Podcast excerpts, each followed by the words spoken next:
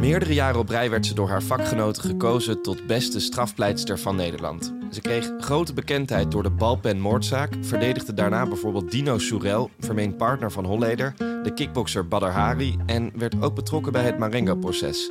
Ik ga op bezoek bij Benedict Fiek. Ik heb partnersadvocaat. Hoi, goedemiddag. Dit is Max Boogaard. Ik heb een interview met Benedict Fiek over een kwartier. In 2016 klaagde ze de tabaksindustrie aan... wegens het met voorbedachte raden benadelen van de gezondheid van haar cliënten.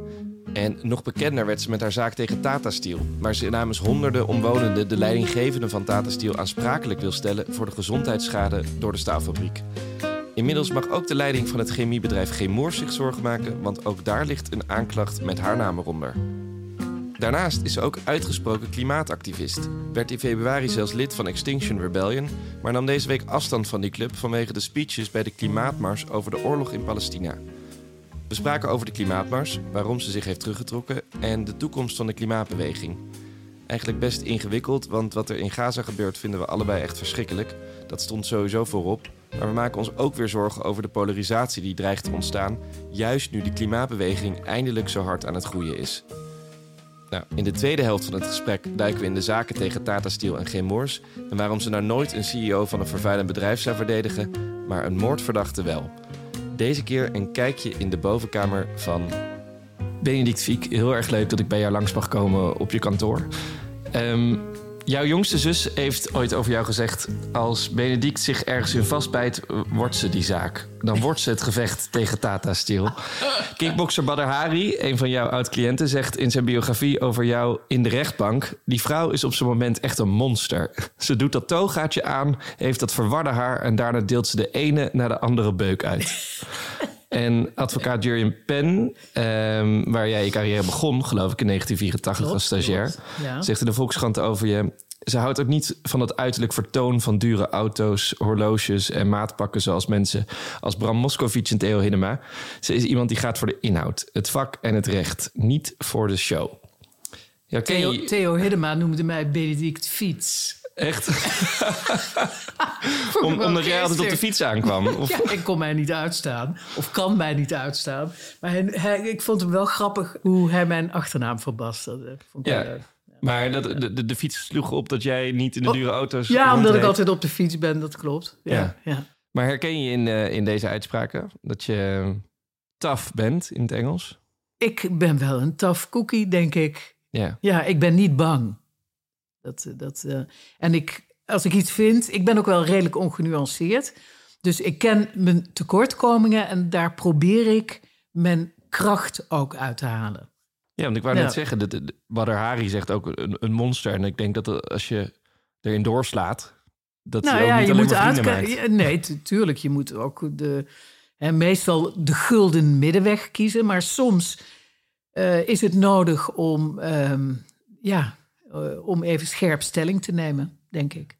Voordat we verder gaan in, uh, over de inhoud, ben ik nog wel benieuwd. Waarom ben jij advocaat geworden? Wat is dat iets wat, wat in jou zit, ook omdat je zo uh, taf bent en, en nou ja, kijk, zo, nu als, zo stellig bent? Hè, ik zou een hele slechte rechter zijn, denk ik. Ik zou ook een hele slechte officier zijn, want ik kan niet tegen het ambtelijk uh, geraamte waarbinnen je moet uh, opereren. En ik ben iemand die zelf enorm een vrijheidsdier is. Ik laat me niet graag begrenzen door uh, wat andere mensen zeggen dat ik zou moeten zeggen. Dus het past qua personality uh, enorm bij me om advocaat te zijn, denk ik.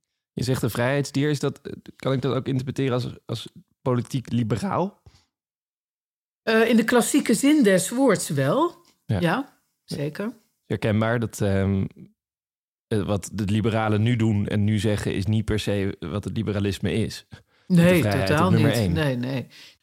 Maar goed, het oud-liberalisme heeft niks met de VVD van nu te maken, laat ik het zo zeggen. Nee, duidelijk. Het was een bewogen week voor jou, wat eindigde, of nou ja, het begon eigenlijk deze week uh, met het opzeggen van het lidmaatschap bij Extinction Rebellion. Mhm. Want je bent namelijk een vurig klimaatactivist. Je werd namelijk eerder dit jaar lid van Extinction Rebellion. Je bezette de A12. Uh, werd ervoor opgepakt. Um, ik zie op LinkedIn de laatste tijd ook dat je steeds meer een soort uh, klimaatinfluencer aan het worden bent. Uh, met al je volgers, in ieder geval op LinkedIn. In hoeverre je daar een influencer kan zijn.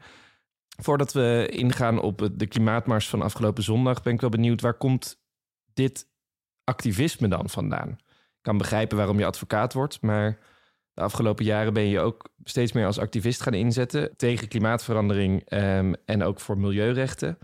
Zat het altijd al in je of is dat iets wat komt als je, nou, misschien als je ouder wordt? Nou ja, kijk, ik ben in de natuur opgegroeid. Eh, laat ik dat vooropstellen. Ik ben echt op het platteland opgegroeid. Ik ben altijd op de fiets uh, vrij ver, dus 25 kilometer heen. Benedict fiets, uh, 25 kilometer heen, 25 kilometer terug. Uh, door de natuur naar school gegaan, althans de middelbare school. Dus ik, heb een, ik ben opgevoed door een moeder die de, een van de grootste natuurliefhebbers was, die ik me kan voorstellen. Ja, ik was een kind van de natuur. En ik heb die natuur ook zien um, veranderen. Um, ik heb me daar ook een tijdje mentaal voor afgesloten, omdat ik dat zo heftig vond om dat te moeten onderkennen. Wat zag je veranderen? Uh, nou, ik hoorde minder bepaalde vogels. Ik hoorde minder gezoem. Ik zag minder variëteit in de, uh, de weilanden. In, gewoon, tussen, gewoon op het platteland. Ik zag dat het veranderde. Ik sprak daar ook met mijn moeder over. Hè, dat, dat, ze, uh, ja, dat het stil werd in de natuur. Dus je hoorde bepaalde, bepaalde vogels, bepaalde insecten, hoorde je niet meer. En dat heb ik, toen ik natuurlijk me stortte in het uh, studentengewoel, ja, heb ik dat gewoon kunnen negeren, omdat ik toen met andere dingen bezig was. Niet ja, dus met, je eigen studententijd was jij niet een klimaatactivist? Nee, was ik uh, vooral een, ja, een uitga-activist, zal ik maar zeggen. Dus ik was, daar was ik eventjes, dat had ik even on hold gezet. En daarna, als ik dan informatie kreeg over ja, de teloorgang van, um, uh, ja, van wat ik zag, voelde en rook in de natuur heb ik me daar een beetje als een struisvogel in uh, opgesteld. Ik heb me daar niet, ik heb het gewoon niet willen zien. Als ik bijvoorbeeld in een actualiteitenprogramma een ja, bevindingen hoorde van wetenschappers over hoe hard het ging met de achteruitgang van bijvoorbeeld het poolijs, uh, nou, noem maar op. En de invloed ervan, de, de vervuiling en de CO2-uitstoot en noem maar op. Dat, wat voor een invloed dat had op de klimaatontwikkelingen. Ja, ik wilde dat eigenlijk gewoon niet horen. Dat is wat ik ook wel tegenkom. Als ik nu zelf spreek, omdat ik er nu. Ik, ik heb. Ja, je kunt er niet omheen. En ik wil er nu zelf ook over spreken. Maar ja, dat is toch iets wat je ook uh, tegenkomt als je met, uh, met velen praat.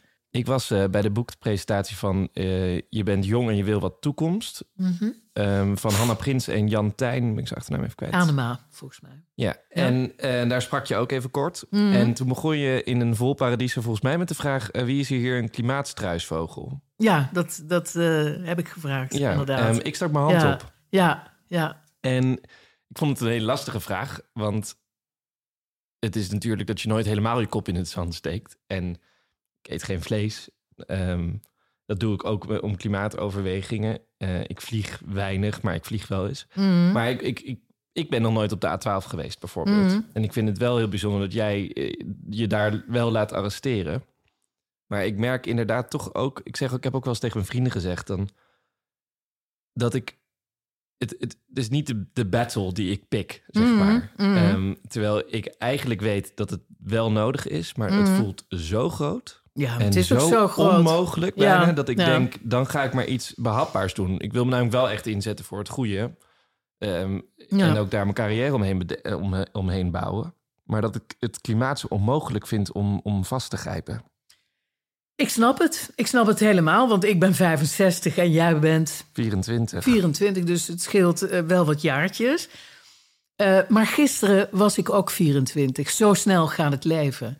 En het is natuurlijk wel zo dat jij op je 24ste misschien over vijf of zes jaar denkt van... Hmm, misschien wil ik me wel voortplanten eh, met of via iemand. Je weet het nooit. Eh, maar in wat voor een wereld komt jouw kind dan te leven? Dus dat zijn gewoon wel dingen die je niet wil, eigenlijk liever niet wil zien, want het is ongemakkelijk en het is um, angstaanjagend, uh, het is zwaar, het is gewoon niet leuk. Het is van leave me alone, ga weg, rot op met je kutverhalen. Ja, en het is ook zo makkelijk om je kop in het zand te steken. Want als je hier in Amsterdam bent en over de gracht loopt, dan merk je het niet. Nee, die gracht die is er, Amsterdam is er. Dus je merkt het inderdaad niet. Maar als je het grotere plaatje, om maar even die, dat, die stomme uitdrukking uh, te gebruiken. Als je dat ziet, dan ja, 99,9% van de wetenschappers ja, die venten een enorme waarschuwing uit. Ik bedoel, het is niet a little red flag. Het is gewoon een, zo'n grote voetbaldoek uh, uh, die in een stadion over alle mensen heen gaat en die ons bedekt. Dus ja, het is niet één voor twaalf. Het is misschien één seconde voor twaalf. Als, als, ik, aan, als ik aan wishful thinking doe, is het één seconde voor twaalf. Ja. En dat is groot, onaangenaam en zwaar om die boodschap tot je door te laten dringen en willen laten dringen, volgens mij. Zou ik ook hebben op jouw leeftijd. Ja, ik heb wel mijn, uh, mijn eerste stappen in het uh, klimaatactivisme inmiddels gezet. Dit weekend liep ik ook mee met de grootste klimaatmars in Amsterdam ooit. 85.000 mensen waren op de been voor de Mars voor Klimaat en Rechtvaardigheid. Dat is nog wel interessant, die laatste. En rechtvaardigheid, wat dat dan betekent. Maar eenmaal aangekomen op het Museumplein werden er speeches gegeven. Um, de eerste speech ging daar al gelijk ook over Palestina. En de leus From the River to the Sea, Palestine will be free, werd daar ook uitgesproken. Even een stukje meeluisteren over wat dat was. En jij sprak daar ook. Ik ben benieuwd hoe jouw reactie uh, hier uiteindelijk op was.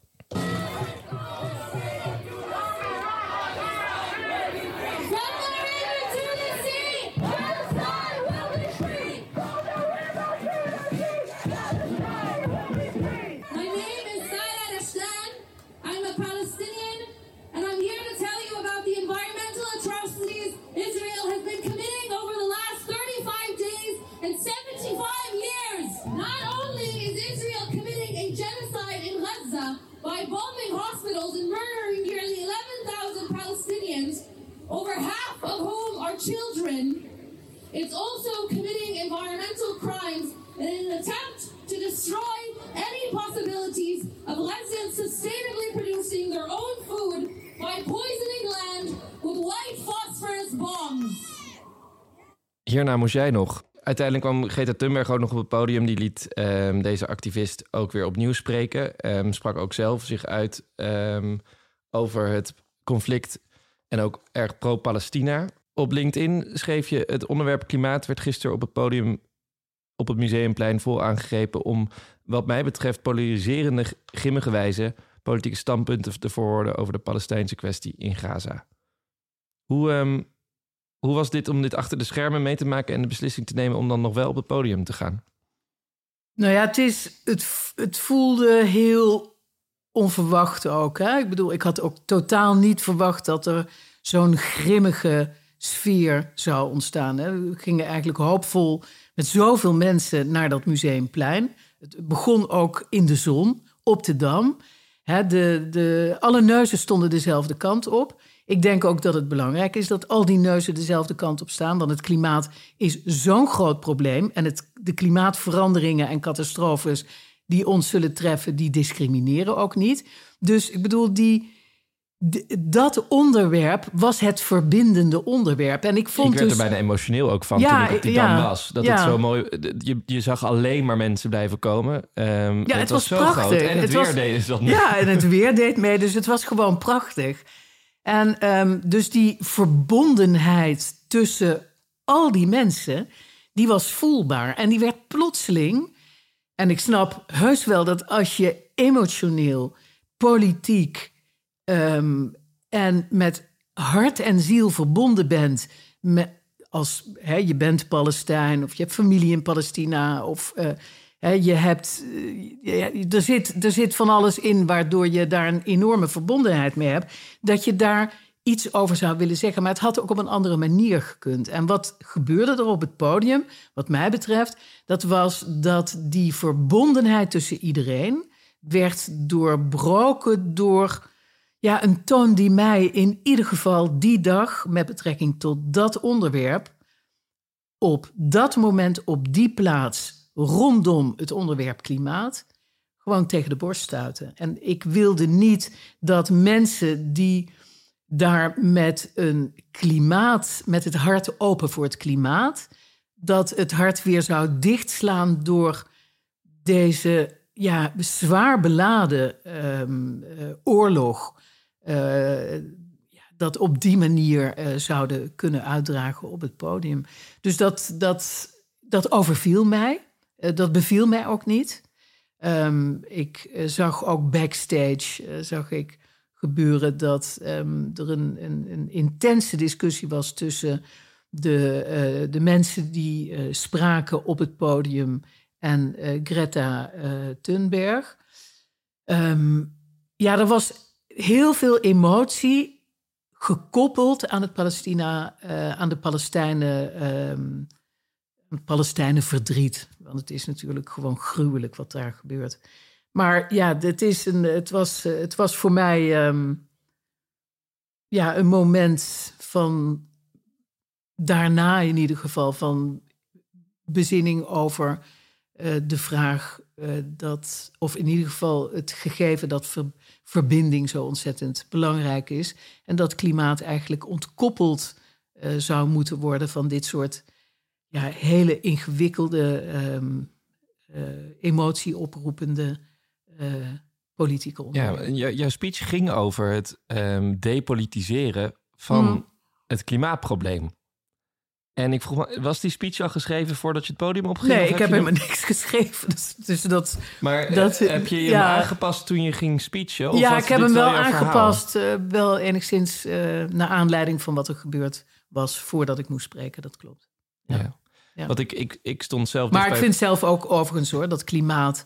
Um, natuurlijk is, zal iedere, iedere beslissing met betrekking tot het klimaatpolitiek consequenties hebben. En ook wel politiek zijn ingegeven, maar in wezen worden we geconfronteerd met een feitelijk, een heel groot feitelijk op uh, feiten gebaseerde catastrofe die ons te wachten staat. He, zoiets als een pandemie, een klimaatpandemie zal ik maar zeggen, waar um, alle partijen op dezelfde manier in zouden moeten staan. En als dat betekent dat bedrijven bijvoorbeeld enorm gekort moeten worden op de mogelijkheden die ze hebben om bijvoorbeeld straffeloos te kunnen vervuilen of de vergunningen aangescherpt moeten worden, ja, dan is dat een logische consequentie gebaseerd op die feitelijke vaststelling dat er iets moet gebeuren en dat we de CO2-uitstoot naar beneden moet, eh, dat de stikstofuitstoot naar beneden moet, dat er van alles op dit niveau moet gebeuren en dat dat los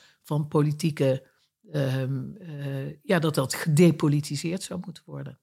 Je bent ook niet de enige die zich um, van, uh, van deze speech op, het, op de klimaatmars, maar ook daarmee van Extinction Rebellion. Want Extinction Rebellion heeft zich nadrukkelijk ook uitgesproken hierover dat zij um, de spreker um, en de link met Palestina ook gewoon dat ze daarachter staan. Jan Rotmans bijvoorbeeld, hoogleraar in Rotterdam, uh, duurzaamheidshoogleraar, die, die heeft hetzelfde gedaan. Wat ik het zo ingewikkeld vond, is, en misschien zeg je dat eigenlijk ook, is de, de, de sfeer die ontstond. Mm. Ik kon mij namelijk best voorstellen dat je in, in deze tijd ook de mars of de speeches opent met een verhaal. We moeten ook omkijken naar, naar mensen die, die bijvoorbeeld lijden in, uh, tuurlijk, in Palestina. Tuurlijk, tuurlijk. Um, en dat je daar ook, zeker als, omdat het zo nu zo'n topic is en het nu gaande is, dat je daar ook nog even aandacht aan geeft. Nou ja, ik bedoel, iedere oorlog is natuurlijk enorm, een enorme ramp ook voor de mensen die er wonen. En voor, het, uh, voor de, de leefomgeving, voor het milieu. Uh, voor de, gewoon, het is natuurlijk ook enorm vervuilend. Dus het is hoe dan ook een heel belangrijk onderwerp. Um, maar ja, dit was anders. Dit. Ja, ik begrijp. Ja, het komt ja. misschien ook door de leus um, From the River to the Sea. Um, die is. Uh, ik heb daar even research naar gedaan. Die is natuurlijk. Die is ontstaan ehm, vanuit een vrijheidsbeweging voor Palestina, ehm, die niet aan geweld gekoppeld was. Dat ging er eigenlijk gewoon over van we willen terug naar de tijd voordat Israël hier gevestigd werd en wij uh, naar de randen werden geduwd als Palestijnen. Um, maar je kan niet ontkennen dat die leus uiteindelijk ook is overgenomen door, extremistische bewegingen. en het inmiddels sinds 2017 ook in de charter van Hamas is opgenomen. Mhm. Ehm, en ook toen ben ik gaan denken van zijn er nog andere uitspraken geweest in de geschiedenis die op zo'nzelfde manier uiteindelijk controversieel worden. En dat gebeurt natuurlijk gewoon best wel vaak. Dat, mhm. dat iets met goede bedoelingen ooit is bedacht en uiteindelijk wordt opgenomen door een extremistische beweging. En dat je dan ook misschien als organisatie moet denken: laten we dat niet voor 85.000 mensen Mhm. Ehm, gaan, uh, gaan verkondigen. Mhm. Ehm, nou ja, je, ik bedoel, kijk, klimaat is natuurlijk een heel inclusief probleem. Ik bedoel, het treft ons allemaal. En ehm, ik vind sowieso dat mensen niet moeten worden buitengesloten. En door, dat, door het roepen van de leus en de wijze waarop de leus werd, uh, vooral ook de wijze waarop de leus werd geroepen, ja, dat je daar mee ook alle mensen die er zijn en die, um, die de, de mensen in Israël een warm hart uh, toedragen. De Joodse mensen die angst en, en, en wanhoop ervaren door alle problemen in het Midden-Oosten nu. Het kan natuurlijk gewoon, vind ik, niet op deze manier. Nee, en, maar je ziet sowieso wel een grotere trend binnen de klimaatbeweging dat het. Um het, het verwatert enigszins in dat steeds meer andere uh, belangen ook vertegenwoordigd worden, waarin minderheden of um, in ieder geval gemarginaliseerde groepen mhm. ook een stem krijgen binnen die klimaatbeweging. Vaak wordt daar het argument ook opgebracht: intersectionaliteit. Het, het heeft allemaal met elkaar te maken. Het is één groot uh, probleem van onderdrukking. Hoe kijk jij tegen die um, tegen die theorie aan? Of, en dan bedoel ik niet eens zo dat of de theorie klopt, maar of het de, het juiste pad is voor de klimaatbeweging. Nou, ik denk dat het voor de klimaatbeweging niet goed is. Omdat het natuurlijk ook heel veel verschillende uh, groepen. Uh, hè, ik bedoel, als je minderheidsstandpunten um, wil opnemen in de klimaatdiscussie, zal dat ook andere minderheidsstandpunten of andere mensen met, met een mening over andere uh, over datzelfde standpunt uh, wegdrijven van het onderwerp. En we moeten juist proberen om een homogene groep samen te stellen over alle flanken. Dus over uit alle.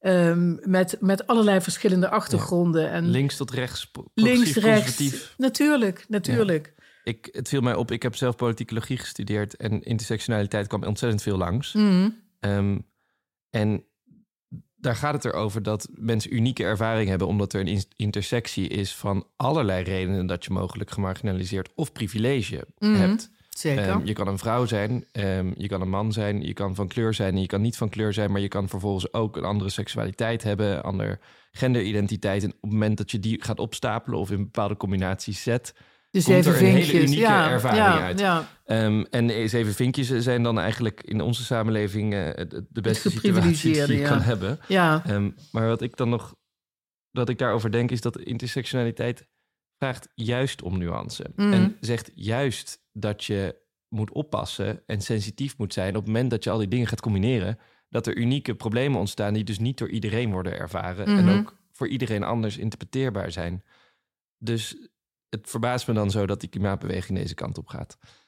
Maar goed. Nou, het is niet de klimaatbeweging, hè, want deze dag is georganiseerd door een groot aantal organisaties, waaronder XR. En ja. waarom ben ik, heb ik me ontkoppeld, zal ik maar zeggen, van XR? Niet omdat ik het niet eens ben met de klimaatstappen die zij zetten. Integendeel, ik bedoel, ik ben een enorme uh, steuner van hun uh, klimaatopvattingen uh, of opvattingen klimaatfeiten hè, die ze uitdragen, de dingen, hè, de wijze waarop ze dat benaderen. Maar ik ben het er niet, ik kan het er niet mee eens zijn dat een bepaalde mening um, bij XR wordt uitgevent zonder dat de mensen die lid zijn van XR daarover geraadpleegd zijn. Nou, dat past natuurlijk bij hun vrije hun organisatievorm, organisatievorm. ja, misschien natuurlijk. het probleem. Ja, um, ook ja. al vrij snel na de aanslagen van Hamas in Israël kwamen de Utrechtse en de Rotterdamse XR-bewegingen um, in beweging. Mhm. die projecteerde namelijk de Palestijnse vlag op de Domtoren en op de Euromast. Mhm. Dat is ook zoiets wat die afdelingen zelf organiseren. Er is namelijk niet één centraal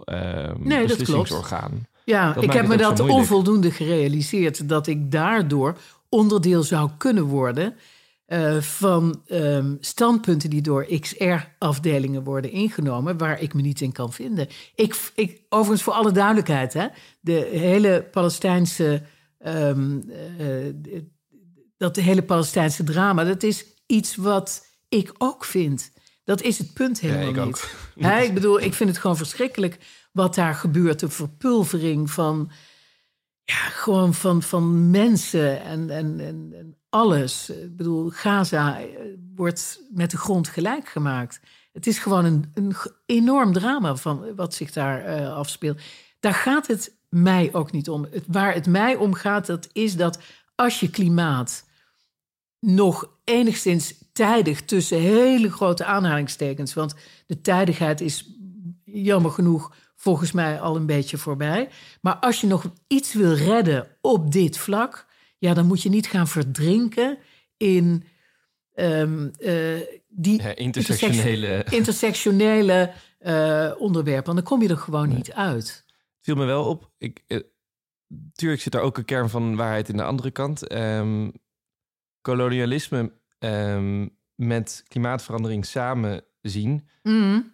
is bijvoorbeeld op het gebied van in, inheemse volken heel belangrijk. Ja, maar daar ben ik het ook weer enorm mee eens. Dat, dat, wist ik niet. En dat was in mijn voorbereiding voor dit gesprek dat ik erachter kwam... dat 80% van de biodiversiteit wordt beschermd door inheemse volken. Ja, precies. En dat is... Maar kijk, als je het klimaat... De, de klimaatproblematiek, die is immens. Ja. En die wordt natuurlijk bevorderd en, uh, door, door allerlei oorzaken. En... Uh, daar kun je natuurlijk ook weer allerlei subonderwerpen uh, uit destilleren. Wat er dan allemaal opgelost zou moeten worden. als je het systemisch bekijkt, hoe de hele economie werkt. Nou, daar kun, daar, daar, mensen die daar veel meer van weten, die kunnen daar van alles over vertellen. Maar de kracht en de kunde en de kennis van de inheemse volken voor de, uh, de krachten en de noodzaak voor het behoud van de biodiversiteit ja, dat is gewoon een onlosmakelijk verbonden onderdeel met de klimaatproblematiek. Dus sommige onderwerpen, dat, zijn, dat is feitelijk onlosmakelijk verbonden met de klimaat. Evident. Dus ik bedoel, er was een, stond een goed stuk uh, volgens mij in, nou ja, gisteren is er een goed stuk door een, een, een, jongen geschreven, ik ben zijn naam heel eventjes kwijt, maar over de biodiversiteit gekoppeld aan de kennis van inheemse volkeren. En natuurlijk moeten die onderwerpen aan elkaar verbonden worden.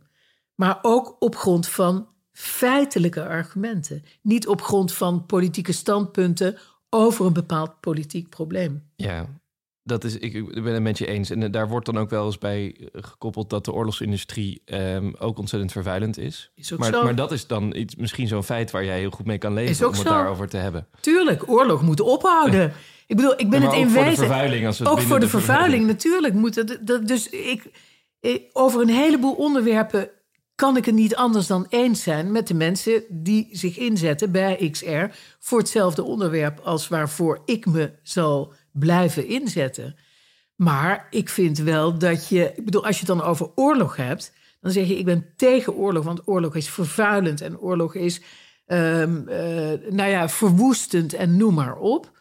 Um, maar dan, dan hebben we het ook over de oorlog in de Oekraïne, dan hebben we het over de oorlog in Syrië, dan hebben we het over de oorlogen uh, overal op de hele wereld. En ja, dan er was geen Oekraïnse vlag te bekennen bij, nee, uh, zeker bij de niet. klimaatmars. Nee, nee. Um, en uh, wat mij betreft terecht, ik zet me veel in voor Oekraïne, maar de, de mars ging over het klimaat. Um, ik, wil, ik wil door met wat jij doet met je werk. Ik denk dat we dit wel uh, genoeg besproken hebben. Want jij doet iets bijzonders. Jij hebt grote boeven weten te verdedigen um, in, je, in je carrière, maar de afgelopen jaren heb jij je ingezet om grote bedrijven aan te pakken die vervuilend bezig zijn en ook schade berokkenen op de mensen in de omgeving van hun fabrieken. Maar jij doet dat bijzonder. Je, je klaagt ze niet aan bij de civiele rechter om een, om een schadeclaim of geldvergoeding voor die mensen. Um, je gaat ook niet naar een bestuursrechter voor het intrekken van vergunningen, in ieder geval de politiek daartoe opdragen. Maar jij betrekt het strafrecht erbij.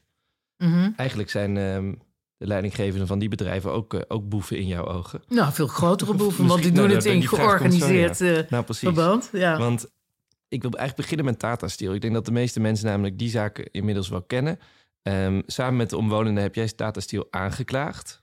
En waar gaat die zaak in het kort over in essentie? Mm Nou, in essentie, ik heb aangifte gedaan van artikel 173a van het wetboek van strafrecht. En daar staat in dat uh, bedrijven, of um, dat, dat bedrijven, dat het verboden is om stoffen, de lucht, het water en de grond, in, uh, vervuilende stoffen, uh, daar te verspreiden, als daardoor de openbare gezondheid van mensen in het geding komt. En um, in, in de zaak van Tata Steel is natuurlijk een heel groot bedrijf. Nou, 24-7 is daar uitstoot. Uh, mensen die daar in de omgeving wonen, die hebben daar verschrikkelijke last van. Hoofdpijn, astma, longproblemen. Er is meer kanker. Er, is, er zijn um, uh, ook meer bloedkankers. Nou, noem maar op. Dus dat is een heel groot probleem.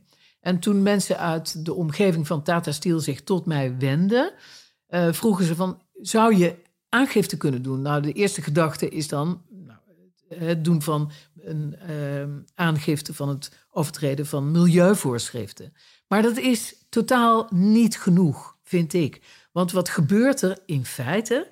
Eh, in feite gebeurt er dat de uh, bedrijven, en de mensen die daar natuurlijk aan de touwtjes trekken, de bedrijven die denken dat als ze vergunningen hebben, of als ze af en toe een vergunning overtreden, of als er een calamiteit zich voordoet, dat die vervuilingsproblematiek op de koop toe moet worden genomen door de omgeving, door de mensen die wonen in de omgeving. En dat is niet zo, want in ons wetboek van strafrecht is er een heel specifiek wetsartikel dat erin voorziet dat als je opzettelijk en wederrechtelijk, wederrechtelijk is buiten de regels om, of um, omdat je uh, onvoldoende informatie hebt verschaft, want dat is bij Gemoers weer een heel specifiek uh, onderwerp, um, en je vervuilt dan je omgeving en mensen kunnen er ziek van worden. Um, als dat uh, zou kunnen worden vastgesteld en het Openbaar Ministerie de feitelijk leidinggevers van het bedrijf daarvoor vervolgt, dan kan een strafrechter, als dat bewezen worden, uh, kan worden verklaard, die kan um, de straffen opleggen die passen bij hele ernstige misdaden. Er staat 12 tot 15 jaar gevangenisstraf op. Als je er ziek van wordt, 12. Als je er dood aan gaat, 15. Uh, RIVM heeft net een uitgebreid rapport vastgesteld waaruit blijkt dat de mensen uit de omgeving van Tata Steel uh, gemiddeld, nou, en dat, ik zal verder niet uitleggen wat gemiddeld betekent, maar gemiddeld 2,5 maand minder lang leven. Nou, mensen zeggen dan, oh, maar dat maakt me niet uit als ik 2,5 maand minder uh, leef. Maar de berekening over gemiddelde gaat over iets anders. Er krijgen namelijk veel meer mensen een dodelijke ziekte. Er gaan veel meer mensen dood. En dat is dan niet 2,5 maand, maar dat betekent dat een leven in de knop kan worden uh, gebroken. Um, en daar heb ik uh, aangifte van gedaan. En wat ik met name van belang vind, dat is dat de mensen die aan de touwtjes trekken bij die grote bedrijven, gewoon beseffen dat als zij onverschillig omgaan met vervuiling in de omgeving waar zij produceren, dat ze dan te maken kunnen krijgen met een strafrechtelijke vervolging, waardoor ze mogelijk zelfs de bak in kunnen draaien. Ja, dus het liefste zet jij de directe leidinggevende van Tata Steel in de gevangenis? Nou, dat zal ik nooit doen. Nee, het Openbaar Ministerie moet eerst. Niet zelf, maar, nee, nee, maar kijk, er moet eerst een zorgvuldig onderzoek komen. En dan moet er, komt er een zitting en dan kunnen ze zich verdedigen. En dan zal een rechter eventueel beslissen of de strafbare feiten zoals ze zijn vastgesteld. een gevangenisstraf rechtvaardigen. En als dat zo is, dan vind ik dat zo'n uitspraak als generaal preventief argument kan worden gebruikt ten opzichte van andere vervuilende bedrijven zodat de bazen van andere vervuilende bedrijven gewoon beseffen: dit kun je niet uh, straffeloos doen. Dit is eigenlijk een heel ernstig strafbaar feit, waarbij onschuldig aan kunnen maken als wij het geld dat we overhouden voor de aandeelhouders bijvoorbeeld, dividenduitkeringen voor de aandeelhouders, als we dat niet eerder allokeren aan de, het, het, verduurzamen van ons bedrijf, ja, dan kunnen we een strafklacht tegemoet zien, misschien. En het zal dus in die zin mogelijk ten goede komen aan het minder vervuilend uh, werken door uh, bedrijven. Bij ehm, RTL Z um, was een interview met Hans van den Berg waar hij reageerde op, uh, op je aanklacht. Mm En um, waar werd gevraagd hoe voel je je nou over het feit dat je misschien in de gevangenis gaat belanden. Ik wil daar een heel klein stukje van laten horen. Mm. ja, het eerste wat ik dacht, we wachten, het, we wachten het af, maar we gaan gewoon voluit door met het, uh, het verminderen van onze emissies en het uh, uitvoeren van onze groenstaalplannen. Dat is eigenlijk wat ik dacht. Maar de, de advocaat die daarachter zit, hè, Benedict Viek, die, die wil graag dat u de cel ingaat. Dat is natuurlijk nogal wat. bent u daar dan mee bezig? Nou, we bereiden ons daar natuurlijk wel op, uh, op voor. Maar ik ben er ook weer niet uh, dagelijks mee bezig. Hè. We zijn dagelijks bezig met uh, staal maken op een zo verantwoord mogelijke manier. Ja, dat snap ik. Maar u bent natuurlijk ook mens. En een, ja. een mens wil niet de cel in. En, nee. of nee. dat er zo'n aantijging tegen u ligt. Dus wat, wat doet dat dan met u als bestuurder, als mens? Ja, ik, ik zeg eigenlijk al, ik ben er gewoon niet heel dagelijks mee, uh, uh, mee bezig. Hm. Maar ik vind het wel heel naar natuurlijk. ik, uh, ik, werk lang bij het bedrijf, 33 jaar. altijd naar beste eer en geweten. En dan een dergelijke aangifte, dat doet natuurlijk wel pijn, ja. ja. Natuurlijk. Geloofwaardig, wat, wat is je eerste reactie als je dit hoort? Nou ja, ik dacht eerst dat hij wilde uh, zeggen um, van wat doet dat met u? Um, maar we gaan gewoon door. En toen zei hij met het produceren van staal. En toen dacht ik met ver, en toen dacht ik met vervuilen. Ja. dacht ik toen. Want hij er komen gewoon toch halfjaarlijks weer incidenten, zoals gisteren ook. Hij heeft de Onderzoeksraad voor de Veiligheid. Die heeft een incident uit 2021 beschreven. Nou, dat is heb ik vandaag gepost op mijn LinkedIn. Daar is een, uh, in het Noord-Hollands Dagblad is daar een artikel over geschreven.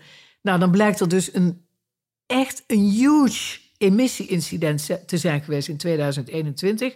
Waar de omwonenden niets van hebben gehoord. Waar de provincie geen dwangsom voor heeft opgelegd. Waar geen publiciteit over is geweest. Wat in potentie een enorm, uh, uh, enorme gevolgen had kunnen hebben op nog veel grotere schaal. Maar er is weer enorm veel vervuiling de lucht ingegaan. En um, ja, dan denk ik, ik heb het gemeld bij het Openbaar Ministerie, ik wil dat er nader onderzoek naar wordt gedaan. Dan denk ik, ja, we gaan gewoon door, zegt uh, Hans van den Berg.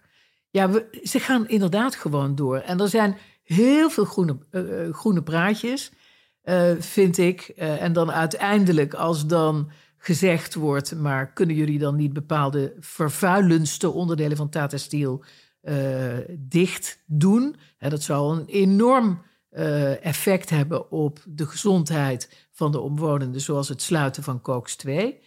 Ja, dat komt dan niet eens in beeld. En dan um, weet ik dat de omwonenden, de mensen die aangifte hebben gedaan, ja, die denken ook van, nou, dat zijn groene praatjes en die vullen totaal geen gaatjes. En die worden daar vrij moedeloos van, inderdaad. Er zijn al uh, drie verschillende verduurzaamheidsplannen geweest in de afgelopen drie ja, jaar, geloof klopt. ik. Dat ja. zegt ook wel wat. Ja. Um, wat ook wat zei, is hij vertelde dat nadat in 2021 een vrij hard uh, RIVM-rapport naar buiten kwam over de vervuiling van Tata Steel en de, en de schade aan de omgeving, Um, kwamen ze gelijk naar buiten met een persbericht van... Uh, we zijn keihard aan het werken aan de transitie... en er komt een groot verbeterprogramma. En Hans van den Berg, de CEO van Tata Steel en Muiden... die telde aan de pers zelf dat hij daarop een appje van zijn zus had gekregen. En uh, dat las... Wat een slechte communicatie weer van jullie. Niemand is geïnteresseerd in jullie interne processen... en dat jullie zo hard werken. Huilie, huilie. Het gaat om snelheid en empathie. Nou, en dat appje heeft hij dus blijkbaar meegenomen uh, naar zijn bestuur. Um, en toen hebben ze besloten om hun aanpak aan te passen en meer empathie te gaan tonen en het allemaal wat serieuzer te gaan nemen. Ja. Vond ik een vrij absurdistisch verhaal. Ja. Dat, um, ik, ik had zoiets toen ik dat las. Ja, duh. Ja, nee. Dat, dat je zus dat moet appen. Dat, dat, nou ja, kijk. Dat, dat je dan ineens denkt, ja, dat is waar. Ja, ja, nou ja, goed. Dat is natuurlijk ook gewoon de totale uitputting die de aangevers ook ervaren. Dat ze denken van, ja, hou op. Doe iets. En laat ons niet wachten. En laat de kinderen die opgroeien nu in de Eimond de gevolgen niet ervaren van de vervuiling die jullie veroorzaken. Jullie weten hoe erg het is. Jullie weten ook welke fabrieksonderdelen gesloten zouden kunnen worden. Jullie weten ook dat jullie al extreem lang beloven en niet doen. Ja, dan, dan is het voorlezen van zo'n appje eigenlijk een klap in het gezicht van de mensen die daar wonen. Ben, je, zelf wel eens bij Tata Steel op het terrein geweest? Nee, ik heb er wel aan de rand gestaan een aantal keren. Ja, Nou ja, het is echt onvoorstelbaar. Ik heb dit jaar een burentour gedaan. Oh, oké. En hoe heb je dat ervaren? Ook, ook, jij kan je daar gewoon voor inschrijven. Je hoeft er niet echt een... Uh... Nou, ik denk niet dat ik toegang uh, krijg, Ik denk dat er dan een speciale tourguide komt... die, die een woordvoerder is van het bestuur. dat denk ik ook, dat denk ik ook. Nou, de, um, ik, dus daar kreeg je de rondleiding... en je kreeg, de, ik kreeg een helm op en een, en een pak... Um, om je kleding te beschermen van alle viezigheid. Mm. Um, en je werd in, in een bus werden we rondgereden over het terrein. het is ten eerste echt heel groot. Het heel is, groot, Het is een dorp. Ja. Um, met een eigen supermarkt, uh, eigen garages, uh, allemaal kantoren die eigenlijk alle randzaken van Tata Steel ook regelen vanaf mm. het terrein zelf. Mm. Vandaar ook al die werkgelegenheid die het creëert natuurlijk. Um, ik vroeg, ik, het was echt een schoolbus en ik vroeg er van achterin, deed ik steeds mijn hand op bij de tour. En ik vroeg er zo van, ja, ja, precies. Ik snap het allemaal wel. Maar, maar ik heb ook gelezen dat, dat er een hele hoop vervuiling uh, hier um, wordt uitgestoten. Um, en wat doen jullie daar dan aan? Um, en toen kwam het verhaal, nou, ten eerste wil ik jullie allemaal vertellen... alles wat wij uitstoten zijn gewoon natuurproducten. Ja, en toen dacht ik, ja, natuurlijk, ja, nee, maar dat... CO2 komt voor in de natuur. Maar, maar dat is... Nee, maar al die kankervervuilende uh, paks... Die, hè, dus al die, die, die extreem gevaarlijke stoffen daarvan heeft, die worden gewoon uitgestoten. Dag in, nacht uit. Ik bedoel, dag in, dag uit, de hele dag worden die uitgestoten. En Tata Steel die heeft um, ook naar aanleiding van een van de rapporten die uitkwam van het RIVM... op een gegeven moment geclaimd dat 50% van de parks uh, uitstoot... of dat, dat de parksuitstoot 50% verminderd zou zijn. En de reclamecodecommissie heeft hen gezegd dat ze daar geen enkele feitelijke onderbouwing voor hebben aangeleverd en heeft hen gedwongen om die claim terug te nemen. Dus weet je, het zijn, dat is ook de, uh, de, de, het probleem bij de vervuiler, die zegt: Ja, we, we begrijpen het allemaal, we houden er ook rekening mee, we zitten op de goede weg, we doen er alles aan om uh, minder te vervuilen. En ondertussen uh, merkt niemand er iets van. En gaat het gewoon gewetenloos, gaat het gewoon door. Ja, toen ik ook een, uh, een doorvroeg op, op die opmerking over de natuurlijke producten die ze uitstoten, was het Weet je, ik ben heel erg ik ben onder de indruk van de vragen die je stelt. Weet je wat jij moet doen? Als je straks terug zijn, breng ik je in contact met een van onze woordvoerders. Oh ja. Was de reactie. Ja, en daarna wilden ze niet meer over door. Nee. Aan het einde van de tour was er uiteindelijk ook een autootje dat daar stond van Tata Motors. Mm. Tata heeft namelijk ook een, uh, een autobedrijf wat ze in India, of een auto's die ze in India produceren. En dat was de grote trots namelijk. Uh, helemaal geproduceerd met Tata Steel staal. Um, toen vroeg ik, Blijkbaar in India zijn die overal op de weg te vinden uh, en hartstikke betaalbaar. En toen vroeg ik waarom zijn deze dan niet in Nederland te zien? Mm. En toen zei ze dat komt omdat ze de veiligheidseisen van de EU niet halen. En toen dacht ik, kijk, oh, die is de cirkel rond. Dit is precies, ja, ja, precies het probleem natuurlijk. Ja, um, ben je niet bang dat, um, eigenlijk aan dit voorbeeld, dat als je Tata Steel mogelijk moet sluiten in Nederland, dat ze ergens anders hetzelfde gaan doen? Tuurlijk is dat ook een angst. En tuurlijk is het ook een overweging om daar rekening mee te houden. Maar aan de andere kant zul je toch ergens in de wereld het bewustzijn ook moeten. Um, het rijp moeten maken dat alle grote bedrijven hun verantwoordelijkheden moeten nemen, waar dan ook. En de grote baas van Tata Steel is volgens mij ook bij Buitenhof geweest.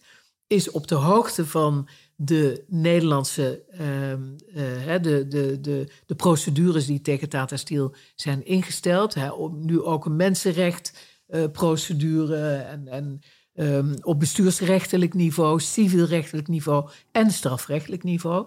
En is dus, weet dus hoe belangrijk het is om de emissies van zo'n staalbedrijf, om die te reduceren en om rekening te houden met de gezondheid van omwonenden en van het milieu. Ja, dan zal uiteindelijk um, uh, deze man, als die in Tata, als die in India door zou moeten en door zou moeten gaan omdat Nederland sluit, ja, dan zal hij daar zijn verantwoordelijkheid natuurlijk ook nemen, uh, moeten nemen. En dan hoop je dat, uh, dat er een soort besmetting is. De president wordt geschept dat ja, je dit op deze manier ja, kan aanpakken. Zeker. Ja. Um, hoe, in hoeverre verschilt deze zaak tegen Tata met jouw meest recente massaclaim? Nou, niet... Um, en tegen Gemoers? Lijkt er enorm op. Hè? Het gaat uh, in wezen om hetzelfde. Het, um, de criminele vervuiling waardoor er uh, gezondheidsproblemen kunnen ontstaan bij de omwonenden en ook bij de mensen die daar gewerkt hebben. Alleen is het, hè, zijn de stoffen, het is een beetje de onzichtbare vervuiling uh, van de PFAS. En de stoffen zijn misschien nog, nog gevaarlijker omdat ze onzichtbaar zijn en overal in de omgeving neergeslagen zijn, in het grondwater terechtgekomen zijn, in de grond, in de lucht. Uh, maar in wezen lijken die twee zaken behoorlijk op elkaar. Ik heb één voorsprongetje bij Gemoers. En dat is de beslissing van een civiele rechter. Waarbij de civiele rechter in een tussenvonnis heeft gezegd: luister, uh, jullie hebben de decentrale overheid onvoldoende informatie gegeven over de gevaarzettendheid van PFAS um, of PFOA.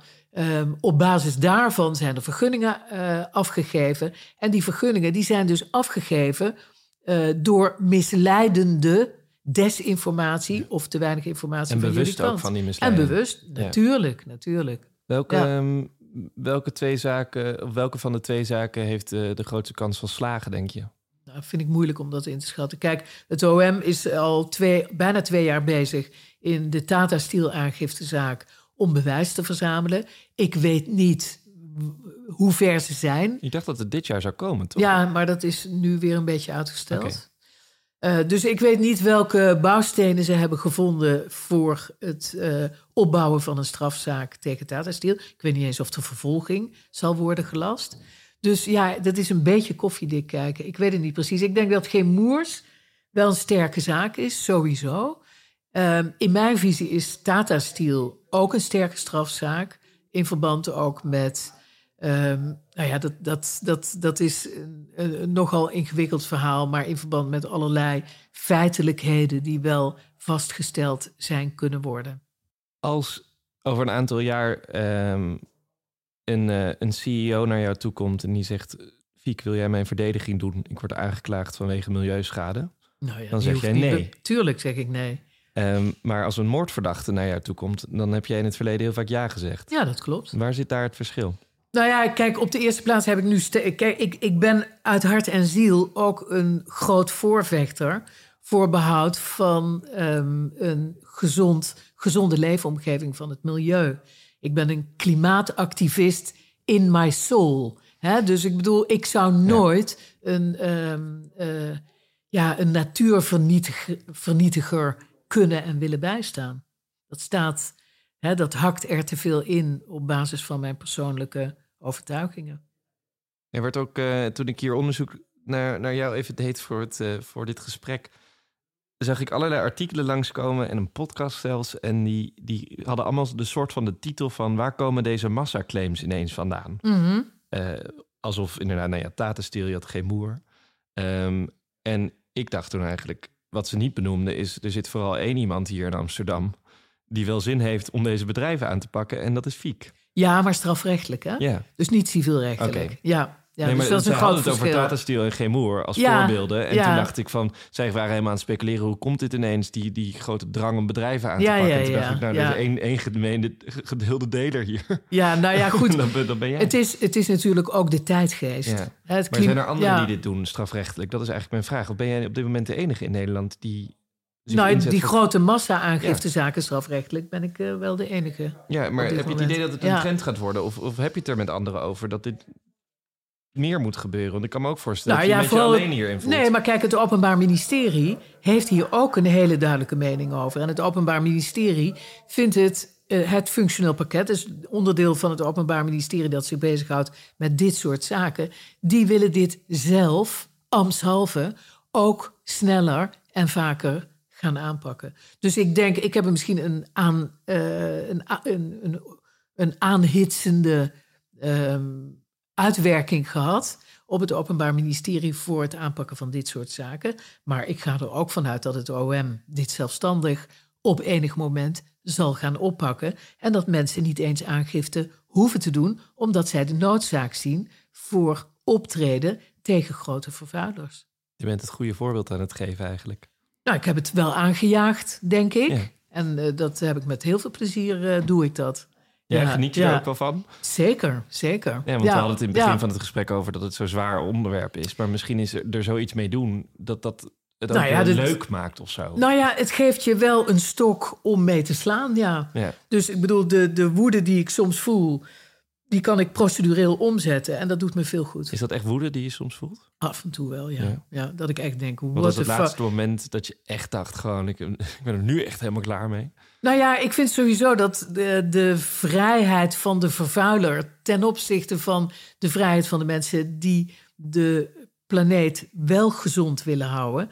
En dan die oneerlijkheid. Die scheef. De, die scheefgroei en de macht en, en die de vervaarder denkt te hebben, alleen maar gebaseerd op geld of um, uh, werkgelegenheidsargumenten of wat dan ook.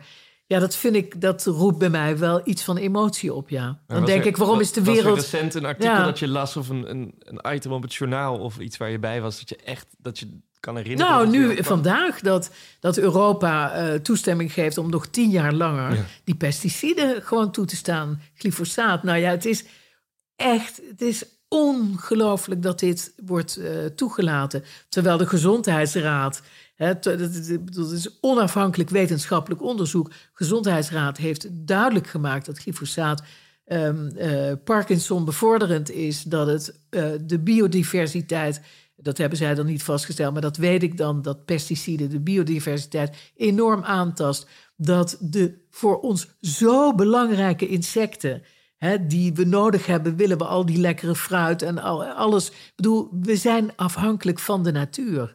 En dat de natuur nu tien jaar langer vernietigd mag worden met toestemming van Europa, ja, dat maakt mij woedend.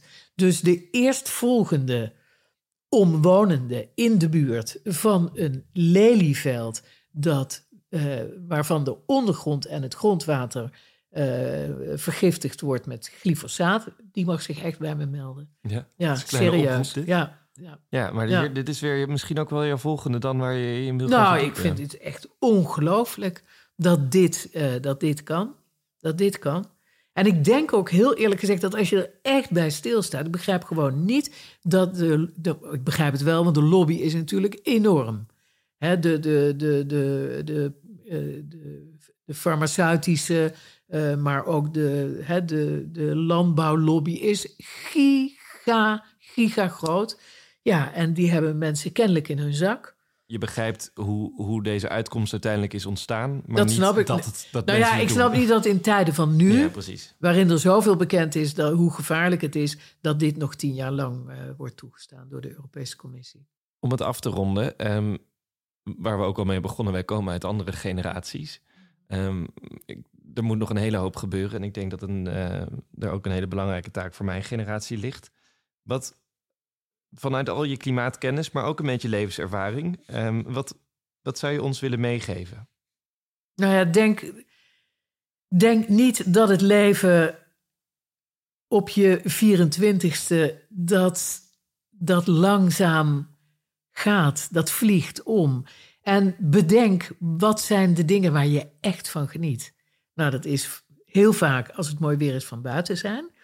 Uh, dat is um, gewoon om ergens te kunnen zijn zonder dat je weggemapt wordt door uh, uh, grote hoosbuien en temperaturen van boven de 40 graden. Of een glaasje water dat je niet meer uit de kraan kunt drinken. Als je gewoon een gezond en aangenaam toekomstig leven wil kunnen leiden, als mens, ja, dan moet je je gaan verdiepen in wat de aarde ons kan geven. En dat het niet zo kan zijn dat de mens zo ingrijpend misbruik maakt van uh, de, ja, alles wat de aarde ons geeft. Ik bedoel, en hoe we de aarde ook vernietigen. Dus in die zin uh, doe je, bewijs je jezelf een enorm slechte dienst door alleen maar aan korte termijn, ehm, eh, aan de korte termijn te denken, aan, de, ja, aan het genot uh, van korte termijn dingetjes. Maar goed, ik ben bang dat ons brein zo gemaakt is. En dat de lange termijn gevaren, dat je denkt van nou, après moi le dat zien we dan wel weer. Ja, maar misschien er genoeg over hebben, dan komt dat gevaar steeds reëler in beeld nou natuurlijk. Ik las gisteren een artikel in NRC Handelsblad dat Amsterdam ontsnapt is aan een, waters, water, uh, een overstromingsramp uh, tijdens de storm, en die heeft ook een naam, de laatste storm. Ik zal het opzoeken. Uh, Kaya of Karia of weet ik veel wat. Dat maar dat als, ja, het ging toen bijna mis. Het ging toen bijna mis. En dan zou Amsterdam en omstreken onder water hebben gestaan. Nou ja, het is, het is gewoon, we zitten hier in Amsterdam. Dus het is niet ver weg. Het is, het is er. De crisis is er nu. Ja, en we kunnen niet allemaal multinationals aanklagen, maar wat kunnen we allemaal doen? Denk nou ja, influencen.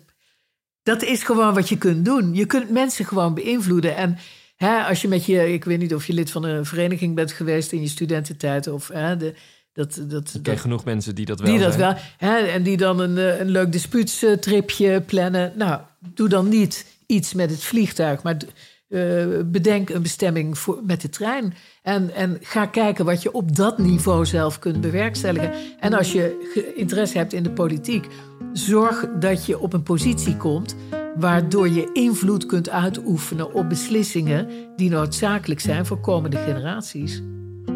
niet heel erg bedankt dat ik uh, met je in gesprek mocht gaan over al deze onderwerpen. En het ga je goed. Jij ook. Als het aan Benedict ligt, worden we allemaal een klimaatinfluencer. Nou, en je kan zelf invullen hoe je dat dan wil gaan doen. Ik wil je bedanken voor het luisteren naar deze aflevering van de Bovenkamer. Vergeet ook niet te abonneren in jouw podcast-app en laat even een recensie achter, dat helpt mij weer.